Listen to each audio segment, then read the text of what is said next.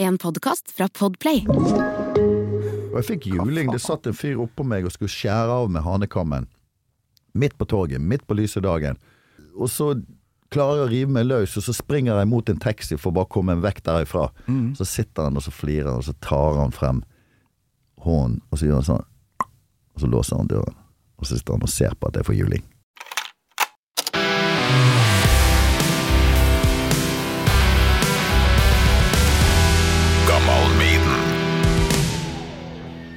Lydløs. Ja, ikke alle som uh, syns det er så nøye, egentlig. At uh, eh, Bjørn Müller innom fra Backstreet. Han, uh, der var det Der gikk det vel i ett sett. Det ringte faen meg hvert uh, fjerde minutt, altså. Og han slo aldri av den lyden. Dritbra. Nei, men faen, da! Hver gang. Du er gæren. Å, fader, da! Faen, du er populær. Det krysser vel over innimellom. Faen, jeg trodde jeg skulle ha lyden der, jo. Men det er jævlig rart, da, for jeg drømte faktisk, og det er ikke mange timene Jeg drømte om Bjørn Müller. Nei. Jo. Jeg har ikke anelse why, liksom, men eh, Og så snakker vi om han nå. Ja, ikke sant? Det er jo rart nok. Drømte at han hadde gått solo.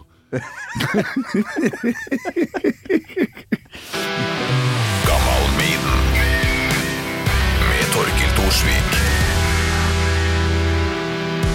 Jeg tror at det er bakgrunnen. Det gikk jo en eller annen dokumentar om de, Ja, der, eh, der han var liksom still going strong. kanskje du nettopp har sett den, da. På ansikt Nei, det er mange år siden. Det ligger jo en ny en på NRK nå som er dritartig. Fra pandemitida. Med Backstreet? Ja, Nei. du jobber i NRK, og så har du ikke sett den? Nei. Jeg jobber ikke inne i den appen. Å nei, du sitter ikke inni den appen. Ja, men det, det er, er det er som å gå ned i arkivet til NRK det vet du, og begynne å bla. Det er helt sånt, ja. nydelig å se, altså. Jeg syns de er så kule fine gutta her. Du, det er jo altså Det der rockesmurfene som vi kalte de i gamle dager, altså det ja, Vi hang jo mye med de. Rockesmurfene, det ja, har jeg aldri hørt før. Og Det var jo eh, Det var liksom sånn eh, både terte og eh, Altså terte spesielt, da. Mm. Det var liksom Jeg kom inn sammen med kjæresten min på Elm Street. det er liksom sånn Ja, det var fy faen, det er jo jævlig bra. ikke? Fy faen, altså, Ikke ett blikk på meg, bare på dama mi. Ja, ja, fy faen, å, helvete. man, å. Går det bra, Leo? Sånn, ja, fy faen, å, fy helvete. Så blikket på dama. Blikket, ja.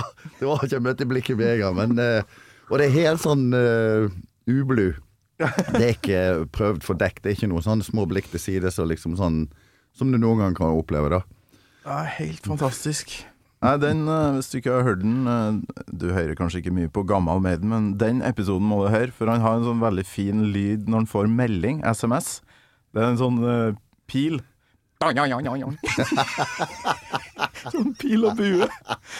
det høres ut som en sånn Sett pila rett i panna på deg. Og den, han får så mye meldinger. Jeg aner ikke hva det er han driver og melder med folk om, men eh, veldig fin episode. Nå skal vi lage en episode om eh, samme tida. Husker du så langt? Tror du? Ja, jeg kom til den alderen at det er det jeg husker. Ja. Ikke spør meg hva som skjedde i går. Det, sånn har det blitt. Men eh, ja, altså Vi var jo en del av eh, det miljøet. Jeg sier jo alltid det at det miljøet der var større enn bare punken. Ja. Men mitt utgangspunkt var jo punken, og mitt utgangspunkt var jo blitz. Men uh, Backstreet var jo en del av den scenen, om du kan si det sånn, da. Mm. Den scenen som besto veldig mye av å fikse ting sjøl. Eh, starte et sted og henge altså Back, Backstreet, altså Elm Street, uh, Rockall, Ja, uh, Rock Alive, ikke minst. Hva var det? Var det et uh, utested? Det var et utested um, der vi kanskje ikke skal nevne navn. En gammel musiker som drev det. Mm. Men det var vel sønnen som drev det mer eller mindre. En mindreårig sønn, sånn uh, å si. Og eh, mens far hang baki der og egentlig var mye full. Men han var okay. åpen for alt. Han er tidligere musiker i eh, et av disse 60-tallsbandene. Ja. Kanskje med jazzaner også. Uh, får ikke gå nærmere inn på det, men det var sånn det foregikk. Og det var et av de få stedene vi da kunne spille i Oslo med den type musikk. Um, det var vel ett eh, borte i uh, der som Aker Brygge og det ligger nå. Uh, Vikateatret Ja, eksisterte der. ja. jo en stund, som var en større scene. Um, som uh, var mye av den 80-tallsvibben, da. Jeg husker der var der jeg skjønte at jeg aldri kom til å bli noen god musikkjournalist eller anmelder. Jeg husker jeg sto på Vikerteatret på midten av 80-tallet og sammen med en kompis da, og så på et band og bare liksom skakket på hodet og tenkte i helvete. Trenger ikke ta med fiskestang, du trenger ikke så snur meg til han og sier én ting i hvert fall sikkert. Det der hører vi ikke mer til i fremtiden. Ja. Hva, hva, hva var det, da? ah, sier det, var det lille å si. Holdt på ennå, dem, jo. Ja, jeg jeg har registrert det. Men så får vi si det da at Så noen sånn spåmann eller anmelder, det ble jo aldri Nei. Heldigvis. Heldigvis, takk og pris. Men det var jo altså mangfoldet. Det er det jeg prøver å si, egentlig. At mangfoldet på 80-tallet var jo litt eh, større enn man gjerne kan tro og anta. Um, fordi at kan du si punken som jeg var en del av, men det var jo en videreutvikling av punken. Det var jo hardcoren vi var på vei inn i. Ja, som ja, ja. var utspring i 70-tallspunken igjen, som på en måte da gikk i masse retninger med new wave og det hele. Og hvorpå også DumDum på en måte legger til sides vannskrekkonseptet og sier at ok, nå må vi komme oss videre. Da, det her blir langvarig. Jeg har ikke ønska velkommen ennå. Eh, jo Raknes, velkommen til Gammal Maiden. Takk for det. Vi eh, synger jo i kor i lag, kan jo bare si det med en gang. Ja. Sånn at vi, vi treffes jo innimellom. Men uh, det er først nå i headsetet her jeg hører hvor jækla djup den der bassen din er. Hvorfor synger ikke du bass? Ja, hvorfor jeg havnet på andre tenor? Du, det kom som en lynende overraskelse den første dagen når vi sto oppe på Vålerenga vertshus, og uh, denne unge uh, dirigenten som vi hadde hyret inn for anledningen, gikk runden og sa ikke pust på meg, men Ja. sing to me, sing to me. Skulle bare synge et eller annet. Hva sang du da? Det Eh, det husker jeg ikke engang. Men det eh, Lillos? da blir det andre tenor. Ja, da er det i hvert fall første eller andre tenor. Nei, um, rett og slett noen mente For jeg spurte jo selvfølgelig Oi, jøss, andre Og nettopp, ja. Uh, ikke første, andre Nei. Hun mente at jeg hadde en sånn overtone i stemmen Aha. som jeg på en måte på øverste inkompetansenivå tenkte at ok, hvis hun sier det, så er det vel slik. Så eh, Men du klarer det godt da, på den stemmen, eller er det tungt? Godt og godt, men det har utviklet stemmen min. Det, Ja. jeg, det, det, det er noen utfordringer der som jeg syns er gøy. Og eh, ligge i det der vippetonet mellom falsett og ikke, og puste, og, som eh, gjør at jeg synger jo ah, Det om jeg kunne synge. For vi hadde jo sånn eh, Vi hadde jo koringer i bandet vårt, da. Det var vi veldig opptatt av. Mm.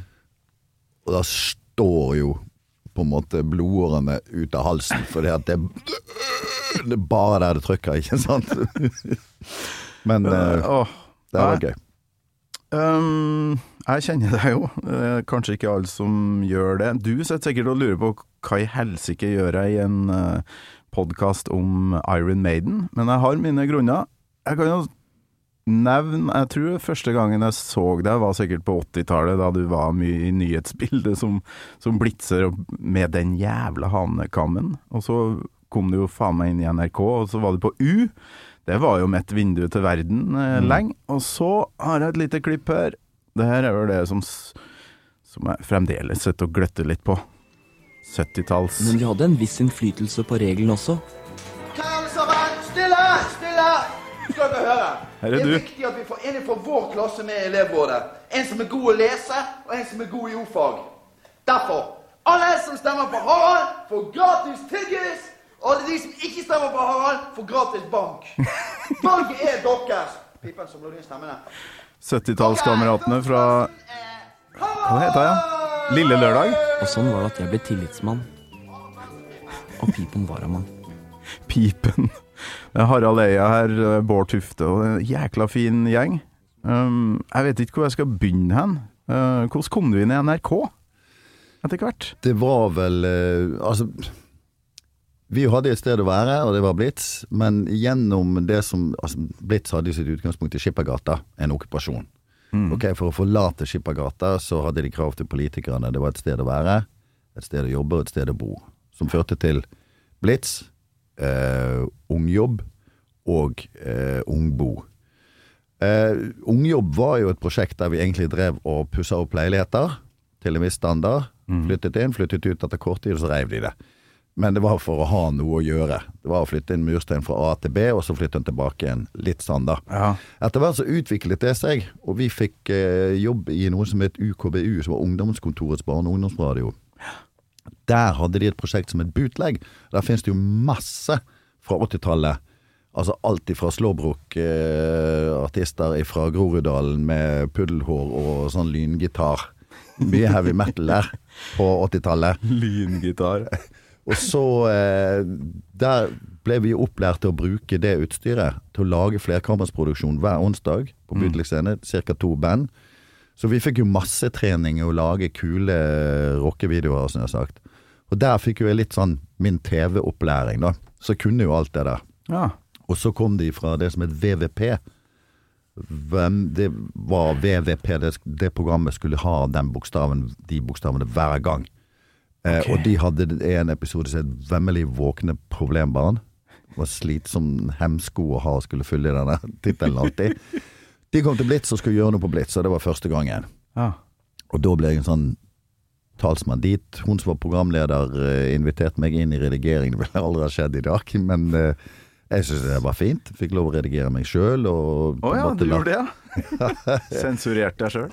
Nei, Eller- ikke mye. eller motsatt. Det ble vel motsatt, ja, kanskje. Nei, det må vi. Ja.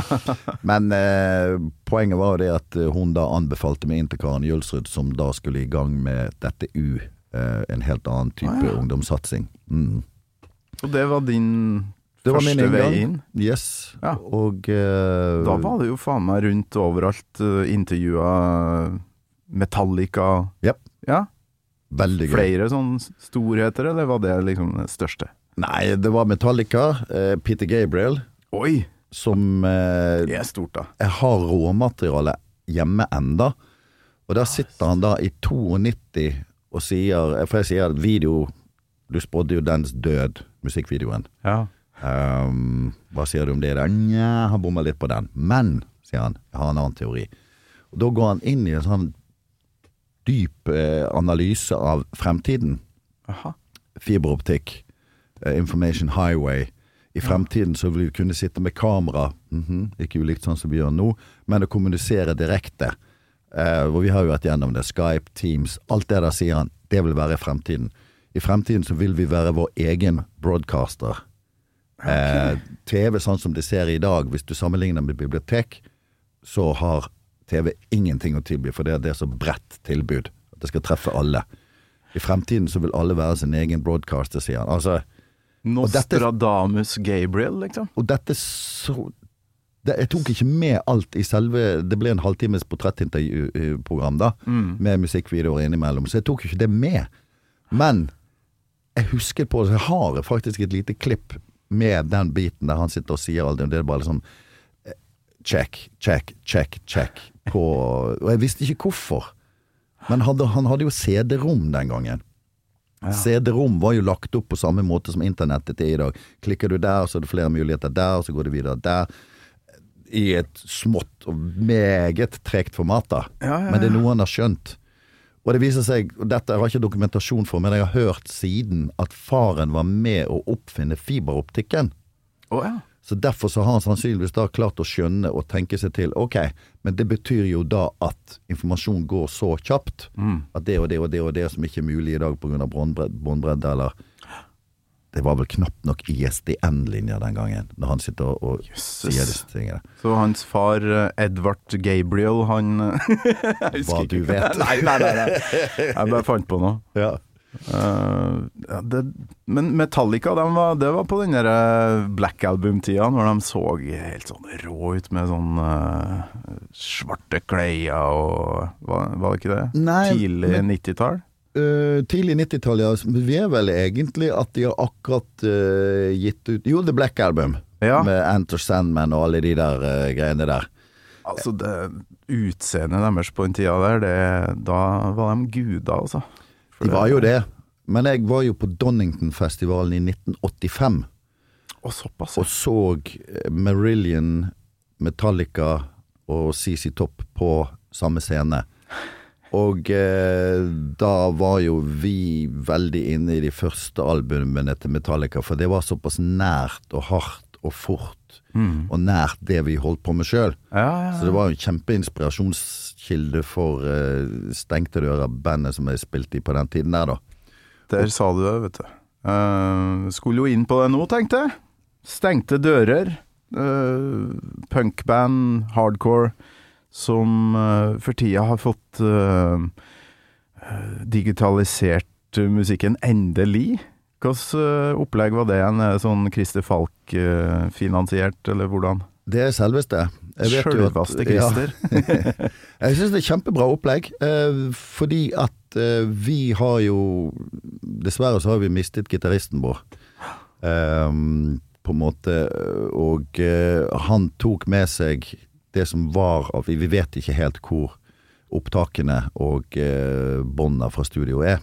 Mm. Så vår eneste mulighet til å åpne opp den musikken vi holdt på med den gangen, som bare var på vinyl, det var å få digitalisert den vinylen. Mm. Og det foregår sånn at eh, det er en kar som eh, jobber sammen med, med Christer Falk. Lars. Eh, han eh, spilte tidligere i Munch, hvis du husker det. Kristiansand. Nei, jeg tror ikke. Nei. Nei. Han har en løsning der han på en måte vasker vinyl digitalt på et eller annet vis. Okay. Og det blir, det blir helt super lyd av det. Får bort Sånn. eh, knitring og alt det der greiene. Alt det der. For det er ikke stiften heller når han digitaliserer det. Å nei. Eh, nå lyver jeg kanskje. Jeg vet ikke Ja, hvordan kanskje jeg gjør det. en slags sånn eh, ja, laseraktig greie. Lesing, ja. Nei, men jeg tror rensingen for å få bort eh, hakk og sånt, da. Mm. Det er den prosessen han gjør. Wow. Så, så nå ligger det ut, så- eller det er mulig å få det? det. Ja, altså Det vi har gjort med hver av uh, disse LP-ene, da, det er at uh, så, uh, Hva det heter uh, crowd... Crowdfunding. Funding, Yes. ja, ja. Crowdfunding. Så det må være bestilt for 30 000 kroner stykker før det går i produksjon. Ja. Så da er det å kjøre kampanje på Facebook og alt, alle som vi kjenner, liksom sånn, hiv dere på. Ja, jeg har jo kjøpt. Ja. Jeg har ikke fått noe. Ikke ennå. Ikke Hvilke var det første eller andre? Jeg har, fått, jeg har fått nummer én og nummer to. Ja, ok, kanskje det var nummer to og tre, da. Jeg har kjøpt. Jeg skal snakke med Kristoffer. Ja, ta den telefonen. Du, han uh, Torkil eh, Han savner. Ja. Ja, ja, ja. Men det er jo et fantastisk prosjekt. det blir jo prosjekt. CD, da, som dropper i posten, uh, postkassa mi. Det blir CD som dropper Ja. i posten. Og så var det jo sånn at Børre døde ung, Mm. og hadde en ung sønn. Så vi er jo gamle menn som spiller i bandet. Vi trenger jo ikke de pengene vi får for rettighetene, da, som Christer Ah. Falk kjøper. Så det går i konfirmasjonsgave til han. Så øh, han har noe igjen fra, fra faren sin. Gutten hans, ja. Mm. Blir han konfirmert nå, eller? Eh, ikke førstkommende, men neste lørdag. Så da har jeg også min egen sønn konfirmasjon. Så det blir litt sånn når pappa er julenisse, så må han hoppe Ja. ut av juleselskapet. Jeg skal bare ut en tur, møte en snekker. Og så ned til han, overlevere det, og så tilbake igjen i min egen sønns konfirmasjon. sånn blir det. ai, ai. Det blir en eh, Da heftig tror jeg ikke. Jo Raknes klarer å holde eh, tårene tilbake. Fy flate. Det blir vanskelig. Ah, Ja, jeg sliter med det sjøl akkurat nå, kjenner jeg. Men eh, så utrolig fint gjort, da. For han Det er Børre, ikke sant? Mm. Gitaristen. Han Når ble han pappa? Sånn, han døde rundt den tida han skulle bli far, eller? Har det akkurat blitt. Akkurat sett ungen sin? Nei, Ja. det er jo helt utrolig tragisk. Men jeg, jeg har bare lyst til å sette på Lyst til å høye litt, jeg. Og helt tilfeldig så heter jo låta 'Barndom'. Jeg har lyst til å spille noen sekunder derfra som egentlig bare viser alt det dere drev på med. For det er utrolig mye pakka inn i 30 sekunder. Jo, det er bra.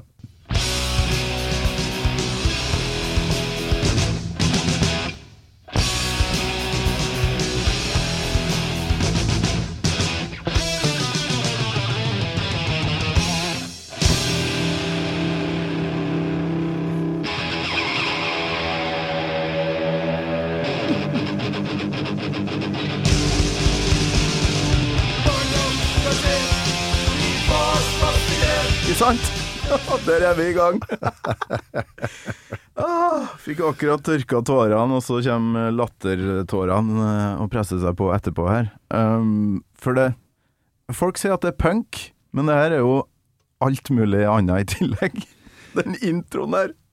Jo, men det er jo et eller annet med det at vi var jo glad i det melodiøse. Ja. Uh, og vi hadde jo selvfølgelig Metallinspirasjoner Vi hadde sweet-inspirasjoner. Vi hadde hver øving åpnet med at jeg satt på bassforsterkeren litt fyllesyk og spilte ACDC. Bare én tone på bassen. Den type ting. Men jeg tror Metallica gjorde med et eller annet liksom sånn eh, Skal vi bruke opp hele det riffet på eh, så kort tid? Ja. Vi kom jo på noen nye riff, liksom, så vi pøste jo på med flere riff inni en låt. Og taktskifter og, og alt det der. Så det, det var Jeg merker det nå. Nå skulle vi egentlig spilt på uh, Blitz sitt uh, 40-årsjubileum. Ja. Men uh, det er jo sånn med gamle menn. Trommisen måtte operere en, ut en inngrodd negl. Så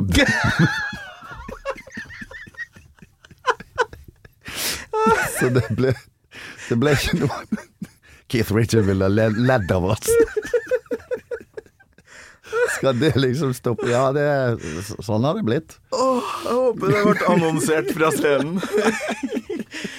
Eh, Stengte dører kunne ikke eh, spille i kveld fordi Ja. Nei, men det er litt morsom historie også. Ja, fordi at vi ble ikke annonsert som stengte dører. Vi er jo ikke stengte dører lenger, så lenge ikke Børre er der. Nei, ikke sant. Eh, men vi har et annet band som heter Knuste Ruter. Ja. Hvorpå gitaristen så å si lærte å spille gitar av Børre. Eh, vi var på øving, og da dro han frem et videoopptak fra Berlin. Der Børre sitter og viser han hvordan han spiller låtene sine. Ah, ok. Så dette er jo overført til eh, en yngre garde som heter Knuste Ruter. Det er jo ikke tribute-band, for de har alt eget stoff, men jeg tror de var godt inspirert da. Ja, ja, ja. Såpass inspirert at Hasse, vokalisten vår, han synger jo for Dino. Å, såpass, ja. Yes, det er litt sånn sirkelen går rundt. Så når eh, vi var annonsert på Blitz som Knuste dører Det er en sirkel av liv. ja.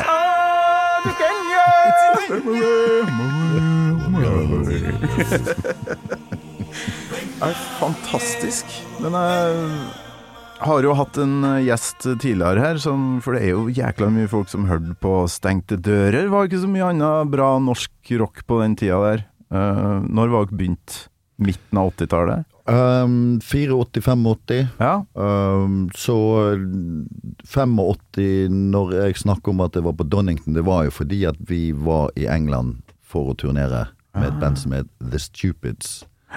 Stupid enough to break up. Stupids. Eh, så de, når vi kom over der, da var de oppløst, de, så turneen ble ikke noe bra. Men vi fikk konsert i Leeds, vi fikk konsert i London, og eh, vi fikk tur til Donington-festivalen. Ja. Å, fy. Så det var liksom den spede begynnelsen. Men jeg overtok etter en annen bassist som het Dag.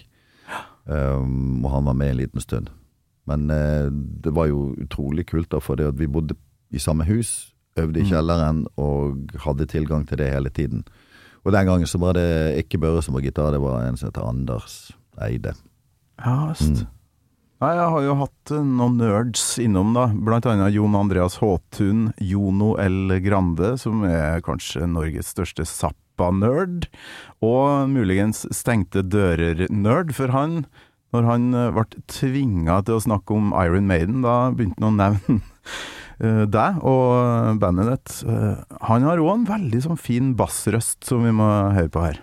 Egentlig burde jo Stengte dører-gutta Børre Løvik, tror jeg ære være ham, han gikk bort for noen år siden, Mm.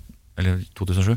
Ifølge eh, Jo Raknes så satt han og hørte, eh, han og han trommeslageren eh, hørte mye på på Maiden i bandbussen når de var på turné og, okay. på 80-tallet, eh, slutten av 80-tallet og det er jo litt interessant, for da kan vi nesten si at ja, det lå en liten sånn underbevisst eh, maidensk eh, nerve i riffhånda til gitaristen Børre. Da. Eh, da kan vi høre Det er noe Maidens over her.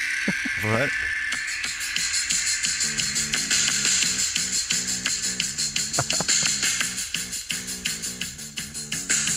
Her snakker vi nerd, altså. Man nerder på stengte dører.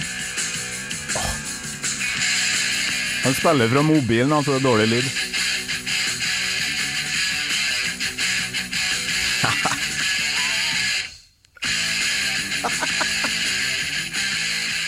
Vi har ennå et riff. Dette har vi nettopp uh, øvd inn igjen, vi.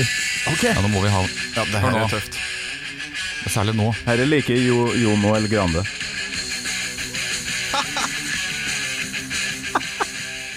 Ja, dere driver og øver inn det her nå?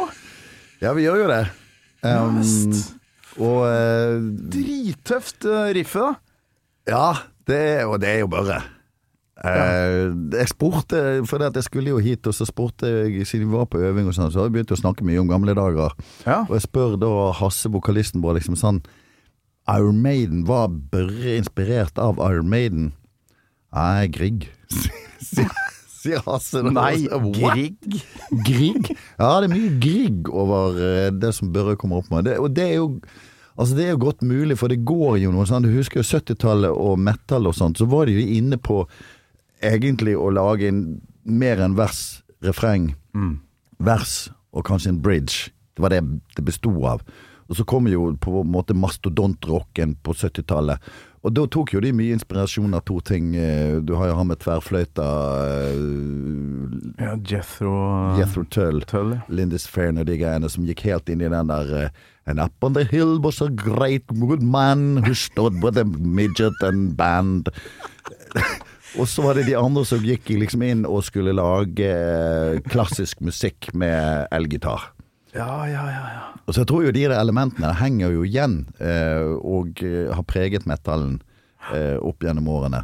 Og jeg tenker liksom sånn Du hører det på tekstene også. Jeg tror det var derfor kanskje ikke Iron Maiden tekstmessig traff meg. For det var jævlig mye bra der, men så surra de det inn i noe sånn metafysisk eh, og The Devil og alt sånt som jeg alltid synes var bare det vås.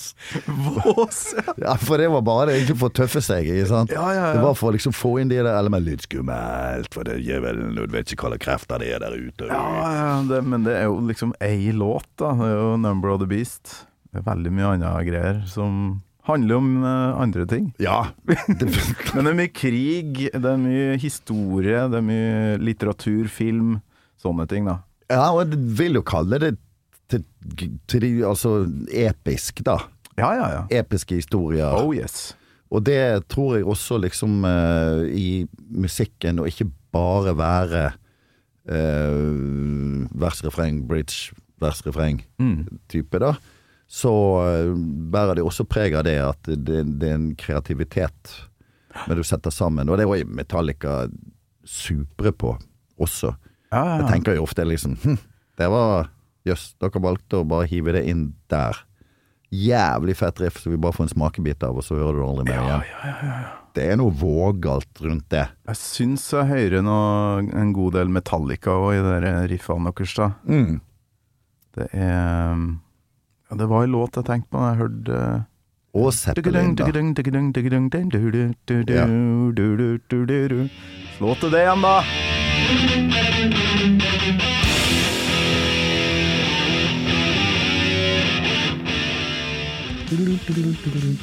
Ja, det er en av de mest kjente forskerne. Ja. Ja, det er et sånn øh, Ja. Men òg et Maiden-riff her. Jeg har satt sammen øh, da Hva heter den derre Stengte dører-låta som Jono satt på her? Eh, den er bare en intro. Ja, det er en intro ja, Ja. til den derre sangen om vår vidunderlige verden. Det kan godt være. Ja, ikke sant? Og da har jeg satt sammen det riffet med en Maiden-låt her, da.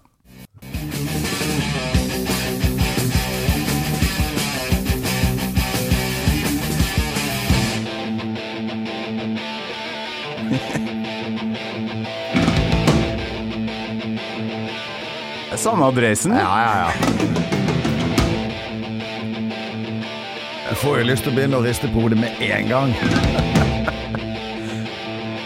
Og så er breket her.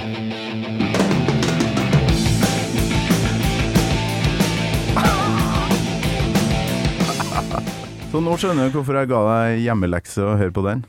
Ja, ehm, det òg, men jeg har jo tenkt på at eh, det der ligger nok Altså, vi lå aldri og hvilte så lenge på eh, dum, dum, dum. Kanskje noe av det siste vi gjorde, der vi bare ligger og hviler på sant da.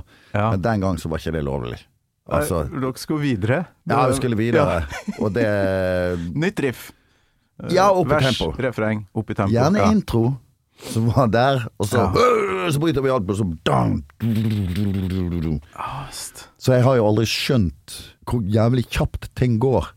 Så gikk vi inn og så, så vi på YouTube. Der ligger det plutselig et konsertopptak som sannsynligvis det siste vi gjør i Norge i 92. Januar eh, 92. Eh, på Kråkereiret i Moss. Oh, ja. Og det er ikke pitcher. Og det går fortere enn på plate. Og det ser så jævlig lett ut. At det er helt sjukt. Og jeg bare, det liksom, jeg bare Jeg ble litt sånn Og nå skal du Gidda vi det? Det her? Jeg kommer aldri i nærheten. Du kommer ikke til å klare det, nei? Nei. nei. Og jeg husker det var jo sånn bule, bule Altså, bassen som jeg kjøpte, kjøpte ikke av lyden. Jeg kjøpte det av at den Ibanesen har sånn glatt avrunding der som gjør at jeg kan At du kan Stor- eh, ha sånn downstrokes jækla fort, ja. Ja, og du skal Uten å helst langt ned òg. Ja, Ja, du kan ikke Du, du spiller ikke Hvis ikke hardcore fikk sånn. du det kjøttsåret oppå oppå her, ja. Ja, oppå ja. skipperen-muskelen ja. Og på turné da, så var jo det helt umulig. Ja. Ja. Men var dere noe særlig rundt eh, Jeg var jo sikkert ikke gammel nok likevel, men var dere Dere var mer nede i Europa, eller? Ikke så mye rundt i Norge? Norge var ikke klar for oss. Nei. Eh. Fy faen, det er breialt. Norge. En litt sånn Nei, men altså, aha-innstilling. Vi skal til utlandet først, og så skal vi hjem igjen etterpå. nei, det var ikke det. Det var rett og slett at Norge vil ikke. Nei. Norge liker ikke det vi holder på med. Og det var akkurat det samme med musikkavisene. Altså, de ansatte jo Nå husker jeg ikke navnet på han til slutt. Jeg tror det var i Beat også. Eh, De bare skrev i anmeldelsene "Dette har ikke vi peiling på. Så vi kan ikke bedømme om dette er bra eller dårlig. Og så ga de en annonseaktig anmeldelse som sa 'Kan noen som kan dette, komme?' Og da var det jo gutter i Folk og Røvere i, som var tilknyttet Uffahuset i Trondheim, som hadde en fanzine slash avis. Den var litt mer etablert enn en fanzine. Jævlig gode, lange artikler. Ja. De eh, kunne den musikken, var eneste som kunne på en måte skrive om vår type musikk, da. Ja. Og dette inn, de la seg lang- langt flat, og det var bedre det enn at de ga oss Ja, det er bråkete, og fy faen, liksom, Pigg, piggtra. Ja. Piggtrådmusikk. Piggtrommemusikk. Fra musikkpressen, som egentlig var de som representerte det eneste du hadde av den type ting, før nye takter og sånn ble en del av på en måte hovedpressen. da, At de skjønte at å ja, her er det et marked. Men det var Europa, og det var eh, altså Export Records, som det het. eh, Ote Kippersrud og, og N- Nuven. Eh, De eh, drev jo eh, dette plateselskapet, som hadde kontakter i Tyskland. De, den kontakten foregikk jo med brev. Ja. Og vi gjorde det på den måten at vi hadde sånn teip som kom som ikke var sånn blank. Det var matt teip. Ja, okay. Så vi teipet over frimerket når vi sendte det fra Norge. Og den var så lett å ta av også. Mm. Sånn at stempelet kom opp på den teipen. Så når de skulle sende brev tilbake til oss, så tok de av frimerket, la det tilbake. Og vi gjorde tilsvarende med det tyske frimerket, og sånn gikk det frem og tilbake. Og så til nød så fikk vi en faks med dårlig kart over der vi skulle spille. Ja. Men det ble jo tre store turneer. Type 20 18 konserter på 20 dager. Hvordan var stemninga på de Var det sånne blitsaktige plasser dere spilte på, eller hvordan var det? Ja. Ja. Det var så på Det var coachsurfing. ja. Det var å sove på sofaen til de som eh, arrangerte konsertene. Eh, Det var altså størtebekker i, på reperbanen i Tyskland. Det var jo en del av en svær eh, husokkupasjon i, i Hamburg. Og tilsvarende steder, mer eller mindre. Altså, vi spilte for alt fra 30 mennesker til 1000 mennesker. Ja. Vi turnerte jo med amerikanske band veldig mye. Uh, og uh, Rich Kids on LSD? Ja, det var Rich Kids on LSD. Ingen tvil om det. Og Angry Red Planet og en del band som ikke eksisterer i dag, da. Men det var jo, eh, det var jo måten vår altså vi hvem som var hovedekt. Vi byttet på det. Hvem spilte først og sist om kvelden, og, og, Ja. og den type ting, da. Men det var jo Altså, vi gikk jo opp løypa for det som senere Motorpsycho benyttet seg av, det som senere Ja, ja, ja. Turbonegre benyttet seg av. Det var liksom Og bandet mitt. På- Det er jo gått den der løypa der. Ikke sant? Hamburg husker jeg utrolig godt. Var mot slutten av turneen. Sjukt sliten. Jeg vet ikke om jeg klarer å synge den hele konserten eller noen ting. Jeg klarer det sånn halvveis, men nå skal det bli godt å finne den der senga som vi har fått utdelt på et rom bak der. Sånn køyeseng. Der ligger det et par og puler. Så Ja. klart, i senga mi. Altså, du, når du har så lyst til å Ja. få hvila litt, så føyer jeg meg seng litt lenger inn i rommet, da. Jeg måtte jo ligge og høre på det. Ja. Og der uh, var det ei rotte da, som bodde, så den eh, var Ja, den begynte jo å komme Nei, det var eh, helt Rott- krise. Rotter er ikke farlig, det er katter som er farlig. Ja. Det var vår erfaring. Vi bodde hos noen som hadde en gal katt. Men jeg husker jo altså Fantastisk eh, å, å ferde rundt og reise og spille på det viset der, da. ja, Tyskland, Lavterskelturné. Tyskland var jo litt på stell. Ja. Men type eh, Hellas var også litt på stell, med Spania og Frankrike var jo helt ute Altså, i Saragossa så sto vi midt på natten etter å ha spilt på en sånn festival, og ikke visste hvor vi skulle bo. Ja, Og vi sant? var jo så slitne også. Ja, fy faen. Og da ble det jo til at vi sjekket opp de som eh, jobbet i baren. To jenter der. De bodde på samme hybel. Og der kommer det jo fire mannfolk i sin beste alder og eh, Where can we sleep? Ja. Så de satt og drakk og herja på kjøkkenet mens vi lå og sov. ja. De var lett Sjekka dem opp for å få sove i senga for å få sove i sengen, ja. Ja, ja. Og eh, ja, særlig. de var lett Ja, men de var, de var lett misfornøyd, det skal sies. Men um, Two Minutes to Midnight Vi kan høre um, litt mer av introen og det riffet her, da, som muligens Børre da, i Stengte dører har lytta litt på.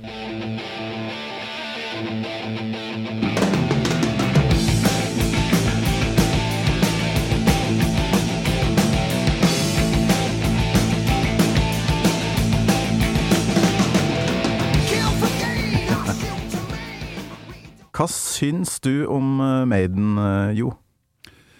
Maiden, det, det er tøft. Det er jo det Ja. ingen tvil om. Ja, jeg digger jo, eh, jeg digger jo riffene. Jeg digger jo gangen i det. Og eh, jeg husker jo dette mye spilt i, Ja, eh, i bandbuss, liksom. Og eh, selvfølgelig, det siger jo inn. Og så var vel det kanskje et av de bandene som jeg syns For jeg var veldig opptatt av at ting skulle være politisk. Mm. Eller jeg var opptatt av det som var politisk. Det trengte ikke være det. Det Var du, ja? Ja, Du havna vel i fengsel òg, du, fordi du var så opptatt av å være politisk, eller hvordan var den uh, Ja. Syns jeg å huske at du uh, havna i, i kasjotten? Det var vel eh, flere ganger det. Ok, Eh, ja, ok, det, det er flere ganger. det er, men det er jo snakk om det om det var kortere eller lengre tid, da. Eh, Ja, ok. Og så ble det jo noen sånn oppsamlingsheat for ting man hadde gjort. Eh, blant annet vi eh, fikk un... Vi fikk til at, det, at en fyr ikke ble sendt ut av landet uten okay. Og da ble det til at vi tuppa en eh, vindu inn på Fornebu. De kom halende med han i bare truser og skulle ha han om bord på et fly. Okay. Vi visste at, for vi hørte jo på politiradio på Blitz, og vi visste at han var blitt tatt. Vi visste at han, altså kjæresten, norsk kjæreste, var gravid. De skulle ha barn sammen, og de bare liksom Han skal ut, og det skal skje sånn. Så tidlig om morgenen med kaffekopp, så uh, står vi bare med noe sånn flagg utafor uh, på Fornebu, og så plutselig hører vi et rop, og så ser vi bak oss, og der kommer de slepende på han. Uh, I bare truser og i håndjern. Okay. Så vi hopper jo over det gjerdet og tupper inn vinduet på den bilen, sånn at de må dra han inn igjen der. Og da Ok. får jeg et spark i balla av en politimann, og det eneste våpenet jeg hadde spyttet tilbake. Dette ble det jo en helsidig se og hør av. Spyttet politimannen i, i ansiktet, har ikke betalt boten. Og det Og så hadde noe Se og hør, faktisk. Se og hør der, altså. Var det etter uh, at du var gjedda i- på vi 70-tallskameratene? Nei, det var etter at det var direktesending sammen med Trond-Viggo den gangen det var én kanal, og før gjedda. Ja. Før gjedda, ja. Men etter gjedda så ble jeg jo for n-te gang bedt om jeg ikke skulle komme en tur i militæret. Mm. Og da sa jeg at jeg var, måtte være såpass ærlig at jeg ikke er noen pasifist. Jeg tar gjerne imot våpenopplæring, Ja. men jeg kan ikke gå i krig for noe jeg ikke tror på, eller dø for noe jeg ikke tror på.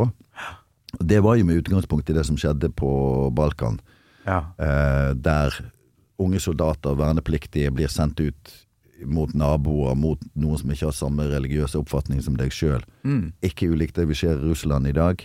Ah, Og eh, Så det, jeg havnet jo da på eh, ildseng i tre måneder. Eh, og eh, tre måneder. tre måneder. Det skulle vært lenger, fordi at du blir dømt en gang til hvis du fortsetter å nekte. Og det er Hva heter den uh, dommen? Militærnekt, liksom? Total, totalnekt. Totalnekt, ja. For jeg vil ikke Mitt prinsipp var det at uh, jeg forsvarer jo selvfølgelig landet, og gjerne med våpen, om det må til. Mm. Men hvis Frp kommer til makten og skal ha tilbake Jämtland og Herjedalen, så tenker jeg nei, ikke helt min sak. Ikke verdt å dø for.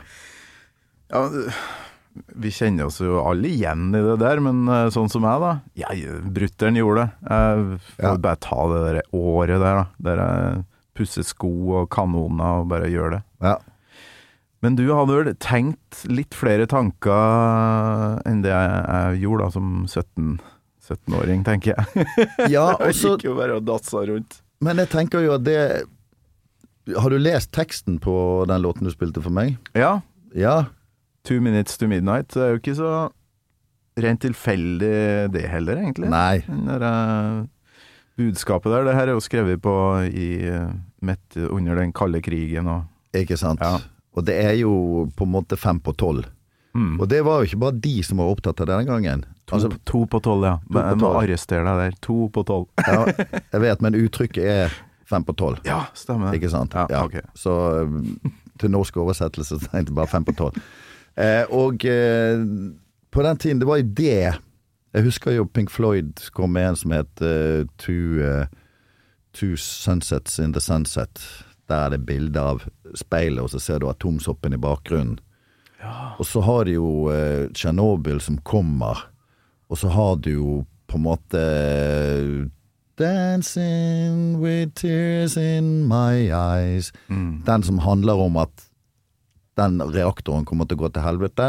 Mm. De eh, drar Hvem er det som synger den igjen? Jern... Ja, et av de der popene, men jeg husker det, det, dette var på Sky Channel, ikke sant? Og den videoen gjorde jo inntrykk. Ja. Der de bare legger seg i sengen, de vet at det kommer til å gå til helvete, og så sitter de og ser på videoer fra det herlige livet de har hatt, og alt det der. Og det var jo eh, det og, og 1984, der alt skulle gå til helvete. Mm. Så det er liksom Doomsday Alt det Hele 80-tallet var jo fullt av det. Ja, ja. Og så plutselig så nå er vi jo også i en situasjon at shit, var ikke vi ferdig med det, liksom? ja. Både eh, atomkraft og eh, Nå går de inn i Tsjernobyl i- helt i begynnelsen av krigen nå, ikke sant? Så plutselig shit, er det en trussel igjen? Og at Putin nå rasler med, med ymter frempå om atomvåpen og sånn. Så plutselig så er det Det hadde jeg ikke trodd. At Nei. min generasjon sånn Jeg hadde trodd det på 80-tallet, og da var vi litt sånn usikre på om er det lurt å sette barn til verden. Ja, ja. Så kom jo 90-tallet, og da var det sånn kalde krigen var over, muren falt, og så tenkte ja, det kan vi gjøre. ja, ja. Så i 92 fikk jeg unger. Tenkte, det, det kan vi gjøre. Men eh, driver bare prøve å søke opp den klokka, da. For det er jo et sånn eh, at det er jo en gjeng med forskere som stiller den derre klokka mot, Mm. mot midnatt eh, fremdeles. Så hvis jeg søker på Doomsday Clock, da, så skal den dukke opp. Skal vi se. TheBulletin.org heter det The Bulletin of the Atomic Scientists. Og nå er klokka 100 sekunder på midnatt. Så det er under to minutter. hvor fort går den klokken? Nei, altså Hvorfor Nei, De stiller den én gang i året eller noe sånt, sånn at det her er januar. Det her er faktisk før Putin eh, begynte å kvesse kløra. Så, okay. nå, så hvis de hadde stilt den nå, så ville jeg tro at den er noen sekunder på, på midnatt eller noe sånt. Ja. For det her er uh, Two Minutes to Midnight. Sisten Sist den var det, var faktisk i 2019, ser jeg her.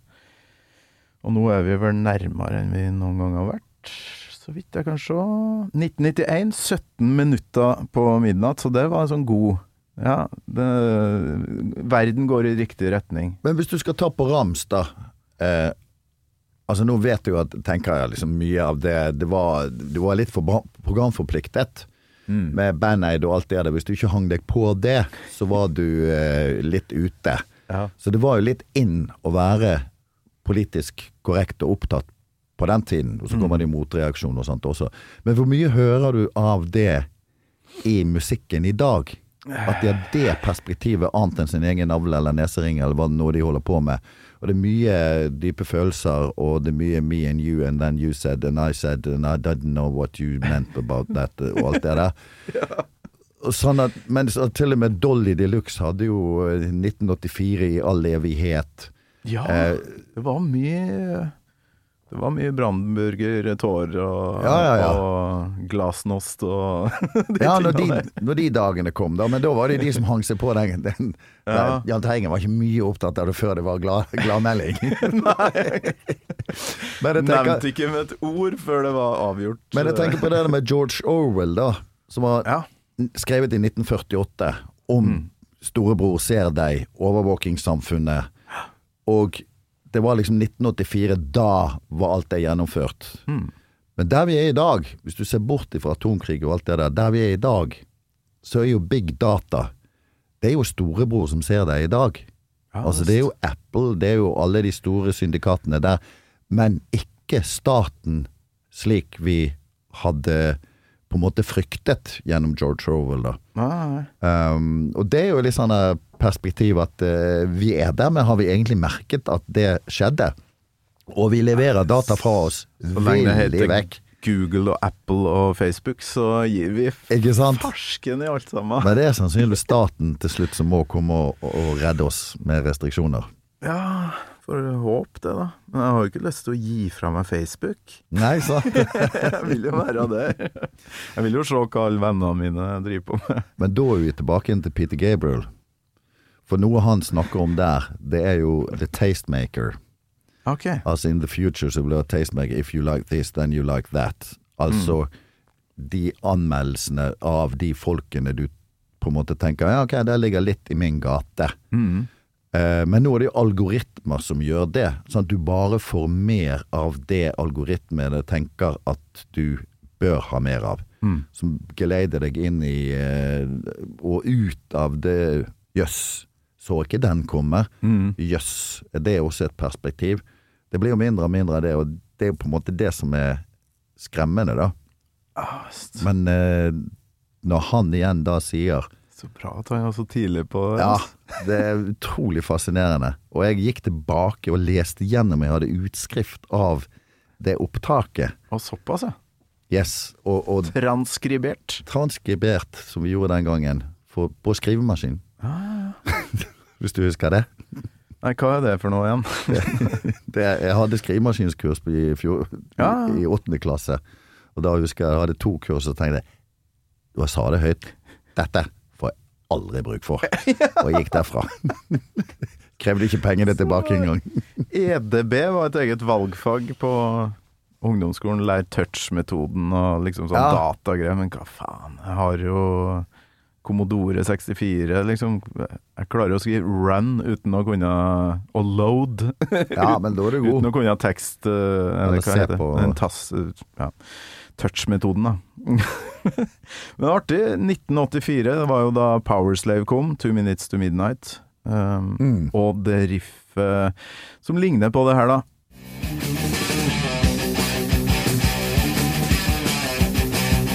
Og det som er artig, at i en tidligere episode her så fant jeg ut at um, Børre i Stengte dører har, trenger ikke å ha hørt Maiden for å høre det riffet her før, for det er et veldig populært et. Det er i hvert fall eh, over 20 låter som har det riffet, eh, og jeg har et lite potpurri. Her skal du få høre Merciful Fate, Riot, Raven, Accept, og til slutt Maiden, da, eh, med ganske like riff.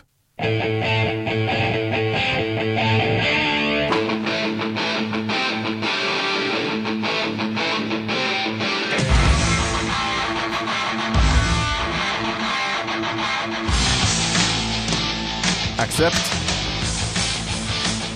Helt likt. Så Maiden til slutt, da. Wow. Så han var på bølgelengde med 80-tallet her, eh, Definitivt. Børre. Ja, ja, ja. Det er ingen tvil. Hva hørte du på i oppveksten før du liksom i- For da er det i Bergen, ikke sant? Mhm. I svarteste Bergen, eller var det litt i utkanten? Åsane. Åsane, ja. Åsane. Det er vel eh, Det er vel Bergens svar på Bærum, med et litt større rykk inn Ok. enn Prestestien og de områdene der. Ja, Litt større rykk inn. Der satt Og, eh, lille Jo og hørte på kassettspiller, sikkert. Hva hørte du på da? Du, jeg var jo så heldig at jeg fikk inn da altså, for, Altså, i barndommen så er det jo hatet ABBA, for det var søstrene mine som holdt på med. Og så var det jo disko som min far alltid hadde med seg hjem, som er faktisk jævlig stilig den dag i dag. Han var på Frankfurter-messe og alt sånt, og hadde med seg disko hjem, da. Men så er man ferdig, og så var jeg veldig opptatt av Dr. Hook veldig lenge. Og eh, Og der har vi en fellesnevner, jo. der har vi en fellesnevner. Fattern og Dr. Hook, altså. Ja. Ja, Og jeg elsket jo. Jeg elsket jo å bla i platebunken når det sto igjen sånne taffelsticks og eh, rester etter gin tonic når min mor og min far hadde hatt fest, og Paul Moll-sigaretter og det som var. Så var det tidlig opp og begynne å bla i platebunken av det de hadde hatt med seg av plater. Oh, ja. Og Der oppdager jeg eh, Elton John, der oppdager jeg ikke minst eh, Dr. Hook, og et par av tidsriktig i den tiden. Men så går jo jeg inn i en fase der min søster får en eldre kjæreste, og jeg får en innsikt i en verden av uh, Little Feet, Lynyrd Skynnerd, David Bowie, og alt kommer rekende. Samtidig som jeg hører på John Peel Show på, på, på Ja, BBC det, over ja. kortbølge. Jeg sitter høyt oppe, jeg vet du, på Tertnes i Åsane. Høyt oppe på en haug og får inn de der signalene. Ja. Og eh, da fikk jeg Susie and the Banshees, Madness, eh, China Crisis, alt mulig. Jeg syns det var så enormt spennende med denne susen i bakgrunnen som gjorde det. Det var litt sånn distansert. Og jeg, Kjem fra ja, Ja, langt uti unna. der. Og det høres at det kommer langt fra. Og Ikke så- sant? Åh, og så hadde jeg kassettopptak av disse tingene da, ja. og så feidet det ut. Signalet forsvant. Men da visste jeg at det var sterkere på et annet sted på bølgen, så da var det inn på denne, det der hjulet, så, så hører du på opptakene Og så treffer jeg akkurat der, og så hører jeg det, og så blir det svakt der, og så tilbake igjen. Sånn holdt det på. han låt jo det der når du hørte på Satt det og også. ratta, ja. Ja. På, ja. Måtte ratte frem og tilbake. Faen, så kult. Og så, kommer jo, og så kommer jo da punken med det liksom sånn Det er ikke bare det at det er kul musikk, men det er en oppfordring til at dette kan du gjøre sjøl. Mm. Og da begynner det på en måte å Og da legger jeg fiolinen min litt til sides. Og Pluss tenker Plussfett fiolin, ja. Spilte fiolin i mange år. Ja, ja, ja. ja. Ja, ja, opp 13-14-årsalderen eh, Ja. i, i gammelmannsorkester på Osterøy. Der satt jeg hver onsdag, og privattimer og ja. Det Sånn- Litt sånn bergensk sånn buekorps og mye sånn tradisjoner, eller? Ja, Orkester med 12-13-åring som sitter i lag med Var det flere ungdommer der, var det var du? du hadde jo han trekkspilleren på besøk, eh, Stian Karsten. Ja. Karsten. Stian Karstensen. Yes. Ha, du vet, når han forteller om når han kommer tuslende med trekkspillet sitt. Yes, den feelingen med feler bak på sykkelen. Ja. Forbi så fort som mulig, sånn at ikke kompisene som spiller fotball skal se deg. Eh, Det er, det er så social suicide i den alderen å ha den felekassa. Og ikke minst gå denne helt bort til det, den bussen og alt det der. Liksom, åh, er det noen som ser meg nå? Åh, det var sånn, det, det, det bryter jo også med resten, så det er ikke veldig bergensk. Det er mer sånn i gatene det han forteller. Og jeg kjente det så jævlig igjen i det. ja. Og du, du Jeg hadde bare klarinett, og det var, var sånn veldig lite maskulint. Det, det er like fælt. Altså, trekkspill er satte, ferdige toner. Fiolin og klarinett, det er ikke ferdig satt, vet du. Der, det er så enkelt å gjøre det surt og jævlig. Så foreldre, hallo, hva er det dere tenker på? Ja. Ja, til nødpiano. Husorgel, det var en bra greie, for der var det satt. Ja, Rytme og alt lå ferdig. ja, ja. ja. Og det gøyeste var når du tok Du, du, drr.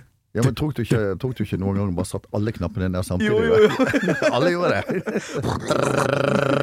da får du hele ja, Fantastisk tid. Um, nå har jeg, jeg har valgt låta di. Det er jo egentlig mot alle gammel Maiden-regler. Og jeg har ennå ikke stilt deg det faste spørsmålet som kommer nå. Husker du første gangen du hørte Iron Maiden? Det må jo være uh, Number of the Beast. Ja, ok. Ja, og den gikk jo i, i eh, på en måte det kollektivet vi bodde i. Eh, jeg vet ikke når den kom ut.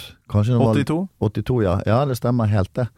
For det var jo Hvor var da? 84-85. 82, da var jeg i Da var jeg på Tertnes, flyttet i 83 til eh, Oslo. Og da vet jeg at uh, trommisen vår, han uh, Den tids trommisen, han Det gikk mye på Iron Maiden. Ah, okay. Ja, så var det litt sånn skumle og fine cover og sånt. og Det var fint å ha på skinnjakker. Hadde du det? Nei. Nei. Nei, nei, nei. Nei, nei. Du hadde en sånn A, du er sikkert sånn ja, anarkigreie. Ja, ja, ja. ja. Klart Hvordan ble du punker, da? Hva hvordan kom du inn i Blitz-tankegangen, da? For det Ja, jeg er jo liker å synge i punkband og spille fort og ha Mm. litt heftig dreis på musikken, men eh, det der med å liksom bo litt sånn sjuskete og ikke ha innlagt vann alltid Svartlamoen, ikke sant, i Trondheim. Mhm, Det har jeg ikke aldri hatt lyst til å holde på med. Men, men du var bare rett inn der. Ja, rett inn og rett inn. Um, jeg husker jo det at det var liksom på gymnaset, det var jo veldig aleine om den sveisen. Uh, og russ, det var ikke snakk om. Jeg fikk slengt til meg en uh, liten lue som ingen ville ha. Som ikke passet på det store hodet mitt heller. Og jeg var jo allerede da på en måte eh, på vei et eller annet annet sted. Og så fikk du mye juling. Altså, du Ja. blir jo tilsnakka, og du, alle så nikket og tenkte ja ja, men kler du deg sånn, så kan du ikke vente noe annet. Eh, Ja, det var liksom bare greit å Ja, ja, ja. banke opp eh, punkere. Ja. For du hadde en helsikes hanekam, du. Ikke i Bergen, men eh, det var en svær, tjukt hår, svær piggsveis, klart og skinnjakke og uh, Ja. traktorsko og kokkebukse. Så det var jo Det var liksom du ble, Var du på byen en fredag eller Altså, du fikk juling. Du, var, du bøyd. Altså, hallo, det er et klassetryne. Du ser sånn ut. Klart. Nevemagnet. ja. Så det var jo det var jo ikke snakk om for meg annet enn å bare komme meg ut av de små forholdene som selv Bergen var. Og Blitz var jo et sted der jeg tror vi gjorde en opptelling at det var Anne og Elgen som var de eneste som egentlig var fra Oslo. Resten av oss hadde jo på en måte stått i Narvik, Tromsø, Kirkenes, eh, Bodø, eh, Bergen, Stavanger, Kristiansand og følt oss aleine med det vi hadde, og de fanzinene vi leste, Ja. og det, de greiene der, og tenkte at vi ønsker et fellesskap. Og det fellesskapet fant vi i Oslo. Og der var vi sterke nok til å slå fra oss og, og på en måte vise en slags tyngde og beskyttelse. Jeg bodde jo seinere i Tromsø også, og det var jo helt jævlig. I 84 da eh, hadde jeg et års, et års tid i Tromsø, og da ble jeg skutt på med luftgevær midt på lyse dagen.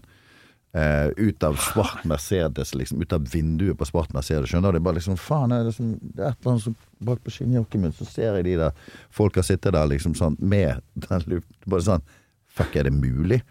Og jeg fikk juling. Det satt en fyr oppå meg og skulle skjære av med hanekammen. Midt på torget. Midt på lyse dagen. På toget? På torget. På torget? Ja. Ok. Ja, Og så, likevel, og så klarer jeg å rive meg løs, og så springer jeg mot en taxi for å bare komme vekk derifra. Mm. Så sitter han og så flirer han, og så tar han frem hånden, og så gjør han sånn. Og så låser han døren. Og så sitter han og ser på at jeg får juling. Altså, der er vi. Det er liksom ville ikke Ja. ha deg inn. Nei. Nei, men han syntes det var på sin plass å gi han der litt eh, oppdragelse. Sånn litt folkeskikk. Og det er jo på en måte 80-tallet og det du lever om da. Så, så tenker jeg liksom Hvis det som er liksom sånn i forhold til de som opplever rasisme, da, spesielt basert på hudfarge, så tenker jeg liksom jeg forbannet meg på at det skulle gå ett år uten den type opplevelser før jeg tok av hanekammen. Ah, ok. Men tenk på de som ikke kan ta av seg hudfargen, og må leve med det alltid. Jeg hadde en retrettmulighet, og det, er- det er et privilegium i seg sjøl. Og det er jo et hvitt privilegium, og det er et øvre middelklasse-privilegium. Mm. Men eh, de som opplever rasisme på den måten, det er ikke det samme. Og det samme med Jeg jobber jo i, i NRK Sápmi nå, i Karasjok, halvparten av tiden. Ja. Altså folk ute med kofte eh, opplever jo akkurat samme hetsen i Nord-Norge i dag som jeg opplevde der. Og så kan du si at ja, vi tar av deg kofta da, men så eh, er det sånn det skal være, liksom. Men er det sant? Mm. Samisk kultur eh, jeg, jeg mener jo, i hvert fall i min vennekrets, vi hyller det jo. Vi syns jo det er fint. Ja, de sier jo det sjøl, at jo lengre sør du kommer i landet, eh, jo mer eh, er det at hvis du har kofte på deg i Oslo, så roper de «Eolelole» etter deg, eller et eller annet sånt. da. Det er liksom Det er helt greit. Men eh, lenger nord i landet så er det jo Altså En jente nå for en stund siden som fikk eh, ble skjelt ut av en gammel dame fordi at hun hadde snakket samisk på bussen. Og den type rasisme og den type Hvor er han da? I Tromsø. I I Tromsø. Tromsø by. Mm. Nordens Paris. Jeps. Og det er vel litt sånn Hvis du spør liksom sånn hvordan jeg havnet i punken eh, Det var jo Pistol syns det bare var Ja da. Det var stor ståhei, og det var litt kult, det. Det var fingeren til det etablerte. Ja. Men det var Dead Kennedys på en måte som var mer politisk og kjappere og hadde et annet musikalsk uttrykk. Det var det som liksom da gikk og inn i den crass-verden og sånt da. Og det var jo fordi at egentlig veldig opptatt av rettferdighet, urettferdighet, som man ofte er når man er ung. Og så det slepes jo av med årene også, da. Eh, man blir mer konform, og liksom ja, jeg skulle gjerne vært med på en demo, men jeg får like på Facebook, da. Så. Å, du traff meg midt i mellomgulvet her. Eh, Jeg snakker om meg sjøl, altså. ja, det men det er meg òg. Du snakker jo om meg òg. Det er helt jævlig. You're listening to a podcast. I'm Bruce Dickinson. You're not. And you're listening to Gamal Maiden. Når for den derre hannekammen, da? Gikk du et år uten å få Ja. juling? Ja, Ja, du gjorde det. gjorde det. For jeg var jo litt lei sjøl, da. 90-tallet, da, eller? Tidlig eller sent 80? Ja, seint 80, Den jeg. Ja. Men jeg måtte jo jeg måtte tilbake til Oslo. Ja, ikke Tror sant. ikke jeg hadde opplevd det samme i eh, Men så er det liksom Men og Det har jeg snakket om før, også hvordan voksen Når jeg kom til Oslo, hvordan voksenverden møtte deg. Det Mm. var et sjokk for meg.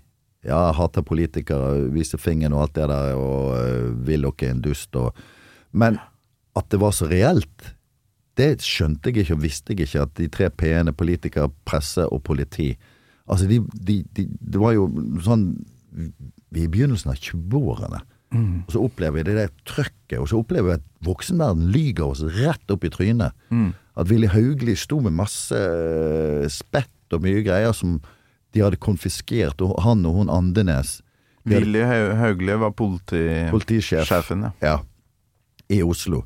Og etter en demonstrasjon i, i, i Borggården, så står de da frem i avisene Se, dette hadde demonstrantene med seg. Det var ting de hadde konfiskert fra en byggeplass. Det var veiarbeid der nede der de la brostein og sånt. Det har de konfiskert, og så la de det frem som at det var våre våpen. Altså den, og folk hadde med seg eh, noe å slå med. Noen hadde det, men ikke i den utstrekning og sånn som de prøvde å fremstille oss. Og det var ganske sjokkerende for en ungdom. liksom sånn, Hæ? Og pressen akkurat det samme. De skrev bare dritt om oss, for de var jo avhengig av informanter i politiet. Og dette har jeg førstehånds fra folk som har jobbet i både presse og politi. fortalt. Ja, det var sånn det var. Og de skrev jo om politiet, øh, og tok deres synspunkt. For de visste at de kriminalsakene som laget forsidene, de var de avhengige av. For å få førstehånds kunnskap, kjennskap til de sakene, så måtte de da kontakte politiet. Og det, det funka jævlig bra, også, for eh, seks-sju år gamle Torkil satt jo oppe i Nord-Trøndelag der, i ei bitte lita bygd, og var livredd for folk med skinnjakke, hanekam. For det var jo, ble jo et sånn skremme, skremmebilde, da. Ikke sant? Oss mot dem-greie. Ja, veldig. Willy Haugli ble jo kjendis fordi han var liksom men, kri, kriga mot dere. Men tror du du hadde sluppet unna i dag? Altså, det, jeg var Jeg står i andre etasje, mellom meg og den døren i andre enden, som er hovedtrappen, Mm. inn og ut. Der er det ca. 150 mennesker og et biljardbord. Mm. Eh, og så plutselig så hører vi et smell, og så ser jeg at flammene stikker inn i, rundt kanten på den døren der det ikke var helt isolert. Okay. Og vi skjønner at det brenner der ute. Vi har én baktrapp, og der får vi alle sammen ut denne vindel-baktrappen som knapt har to personer i siden av hverandre. Blitzhuset er det her. Blitzhuset, ja. Ja, okay.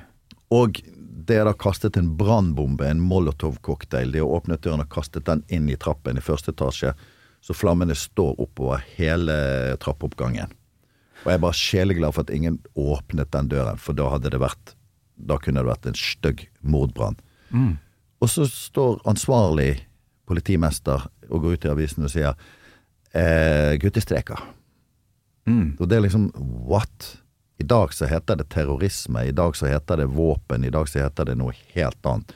Vil jeg håpe, da. Eh, men det er ganske sjokkerende når det skjer, og du skjønner at du, du er ungdom, du er dønn aleine. Hele voksenverden, inkludert politikerne, er fullstendig imot deg og bruker deg som propaganda. Og det du hører de forteller om deg eh, I den ene saken jeg ble dømt, så står jo da hun Killengren og er aktor. Jeg er aleine. På tilhørerbenken så er det kjæresten min, og så er det Stabel og advokaten min. Og så er det hun. Og det bildet hun gir av oss, så blir det helt sånn Dette er jo et fiendebilde jeg ikke kjenner meg igjen i i det hele tatt. Men hvis det er det bildet hun har oppi hodet, så er ikke det rart det blir brukt så mye penger på det. Men det forundrer meg den dag i dag, og den dokumentaren skulle jeg gjerne sett på et tidspunkt. Hva var det som gjorde at Willy Haugli fikk så satans mye penger å bruke på en liten gruppe ungdommer? Hvem var det som kasta den uh, cocktailen, da? Det var noen som eh, raggere, som det het kanskje den gang, gangen, eh, som kjørte rundt i bil. Bilder av de når de er på bensinstasjoner bare får et innfall. Og fyller opp disse Og fordi at de ikke hadde tilknytning til et nynazistisk miljø eller noe sånt, så eh, ble det ikke sett på som et politisk en politisk handling. Men altså, politiet kom jo på begynnelsen av 90-tallet til Blitz og sa at ok, vi har sett oss blind på dere, um, der vi ga hele materialet vi hadde på det nynazistiske miljøet til politiet.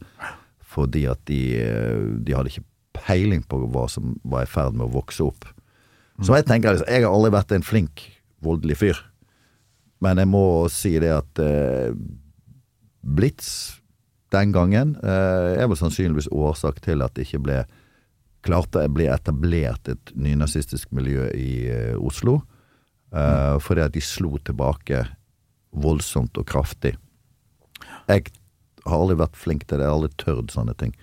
Jeg er litt sånn som Jokke. Jeg er feig. Men jeg må si det at du kan si hva du vil om vold og sånt, men at det som funker i det tilfellet, det må jeg bare medgi at. Men ja, guttestreker. Eh, nesten mordbrann. Eh, Ja. ja. Kunne fort vært. De tente på huset vårt der vi bodde på samme måte. Et kollektiv i Ungbo. Og det, når jeg kom hjem fordi at jeg er lett å bøye armen til å si ok, én øl til, da. Så jeg hadde tatt både én og to øl ekstra og kom med fotballbag og i bare shorts og hadde vært ute og drukket øl etter vi hadde spilt uh, fotballkamper. Pausekameratene, Blitz sitt fotballag. Oh, ja. Pausekamerat. Pausekameratene, ja. Og så kommer jeg hjem, og så stopper han. Jeg får ikke lov å kjøre videre her i Vellems gate fordi at det er stengt av politiet. Ja, ok, jeg får gå av her, tusle ned, blir stoppet av en politimann og sier hvor er det du skal? Jeg skal hjem. Ja, hvor bor du da? I nummer 14. Så flirer han og sier ja, men da kan du bare få lov å dra. Så, så hva, var det, hva var morsomt med det, liksom? Helt til å komme ned og si at å ja, for det er huset vårt som brenner. Og det er voksne folk som syntes at det var morsomt. Det, ja. Det er jo sjokkerende så høy alt det der. Og det du snakker om eh, ja, via jobben din òg, da, oppe i, i Nord-Norge. Du sa det så fint. Sap, Sápmi. Sápmi. Ja, det har du lært deg, for du Hva er rollen din der? NRK? Sápmi. Jeg vikarierte som eh, redaktør der mens de ventet på en dyktig og uh, samiskspråklig uh, redaktør. Mm. Uh, og så ble det etter det en uh, redsjef som ble sykemeldt, så overtok jeg litt der. Nå er jeg litt sånn alt mulig. Uh, for tiden så holder jeg på med en podkast på samisk, og den er også visuell podkast, Ja. og tekstet på norsk.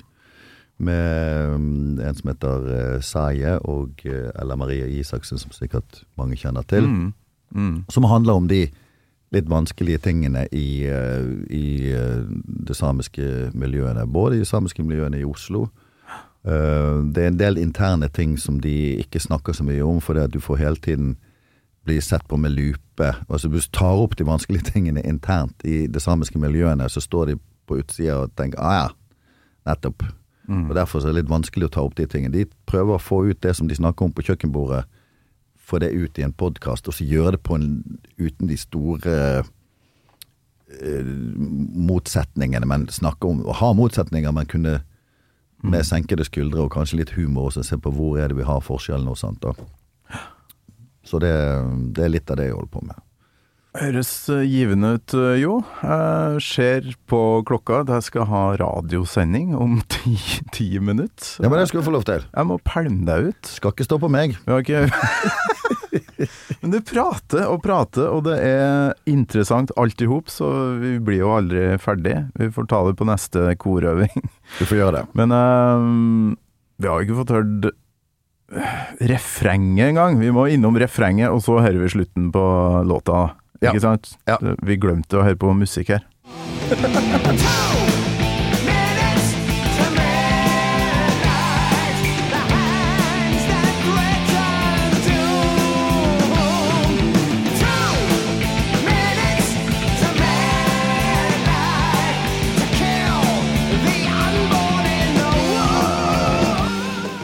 Alt du har sagt her, du- du er Jeg tror du og Bruce Dickinson kunne ha tatt dere en øl og hatt mye å prate om. Han reiste jo til Sarajevo og holdt konsert midt i krigen. eh, Så um, bare, bare skøyte inn. Tror ikke Mm. du det? Han er sånn Absolutt. veldig engasjert i antikrig. Det er vi jo alle, men eh, det er vel ingen som har nekta så, såpass, sånn som du. Nei. Vært i fengsel for det. Det var når jeg hadde toåringer på besøk oppe på Ildseng i det besøksrommet, så tenkte jeg ah, hva er det du har gjort nå, jo? Hva hva det? Det kunne jeg ikke ha tenkt som Torkel, egentlig, kanskje. Og bare latt dette passere og si at eh, eh, prinsippfast. Men altså, jeg syns jo det er litt fint, da. Noen var jo prinsippfaste. Altså, du har jo. Bono som nå drar til, eh, til eh, Ukraina.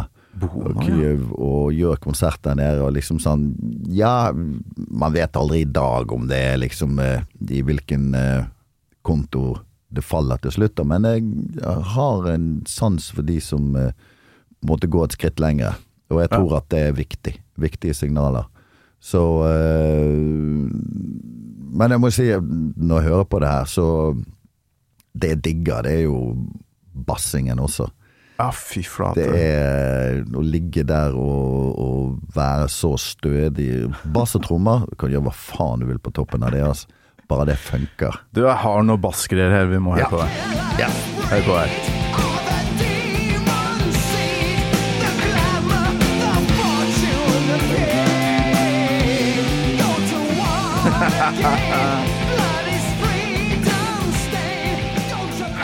Her har du 50% av min Maiden-forelskelse er av den bassinga her. Ja. Og det er ingen tvil om at uh, dette ligger nært opp til uh, bassingen min uh, den gang. Ja, Det, Ja, den gang faktisk. Eh, selvfølgelig, da. Det er jo viktig Jeg har jo aldri vært noen fingerbassist. Det må jeg jo si at Metallica-bassisten, det var liksom Fuck, er det mulig? ja. Drrr, med fingrene. Cliff Burton, Ja, Cliff Burton. Ja, Jeg så siste konserten med han på Skedsmo. ja, du var der, ja. Eps. Og av alle um, Trond Kirkvåg var der. Han møtte vi der oppe. Med Trond Kirkvåg var på Metallica! Han digget Metallica, han. Um, det, det, han ga jo meg I den Metallica-sendingen som er laget på NRK, Ja. så har jeg et klipp der jeg siterer fra Aftenposten når de slakter konserten til eh, Metallica. Og da står jeg med sånn pressehatt og håret står bakover og sånt, og er litt sånn Kunne vært en Trond Kirkvaag-figur. Ja, ja, ja. Da kom han til meg og sa 'Det der var superbra, jo'. Fy faen. Keep Du up the good work. Du fikk skryt fra Fikk Trond. Kirkvaag. Kan du tenke deg? KLM, Brødrene Dal, Yes. uh, Trotto Libre. Fy faen mye jeg har sett på Og fyren der. For en fyr! Ja. Altså, han var så herlig, han.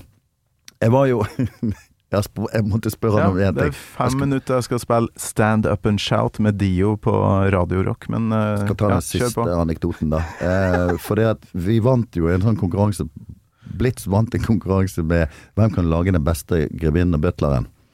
Og da ble jeg invitert inn uten at jeg visste at jeg skulle på direktesending av hun som jeg laget det sammen med.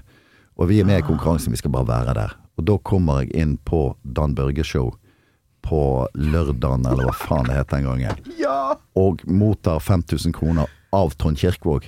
Og jeg står og skjelver i åpningen der, og mot meg kommer jo Trond Kirkvaag utkledd som han butleren. Og idet jeg skal innpå Han må jo se at jeg er vettskremt fra før av. Og så, så sier han da Kom igjen, da! Det er ingenting å være redd for. Det er bare to millioner seere som skal se på deg! og så sånn Trond Kirkvaag-latter. Og så klapser han meg på ræven, så dytter han meg inn i studio. Så jeg snubler jo nesten inn der. Og eh, jeg, bare, jeg husker ingenting av det. Jeg har ikke tørt å se på det i etterkant heller. Det var helt jævlig. Så jeg spurt han siden Hva tenkte du da at det skulle gjøre med meg? Nei, jeg vet ikke. Med den latteren i tillegg. Ja, Ja, ja, ja. Jeg må hive deg ut. Vent litt. Avslutninga.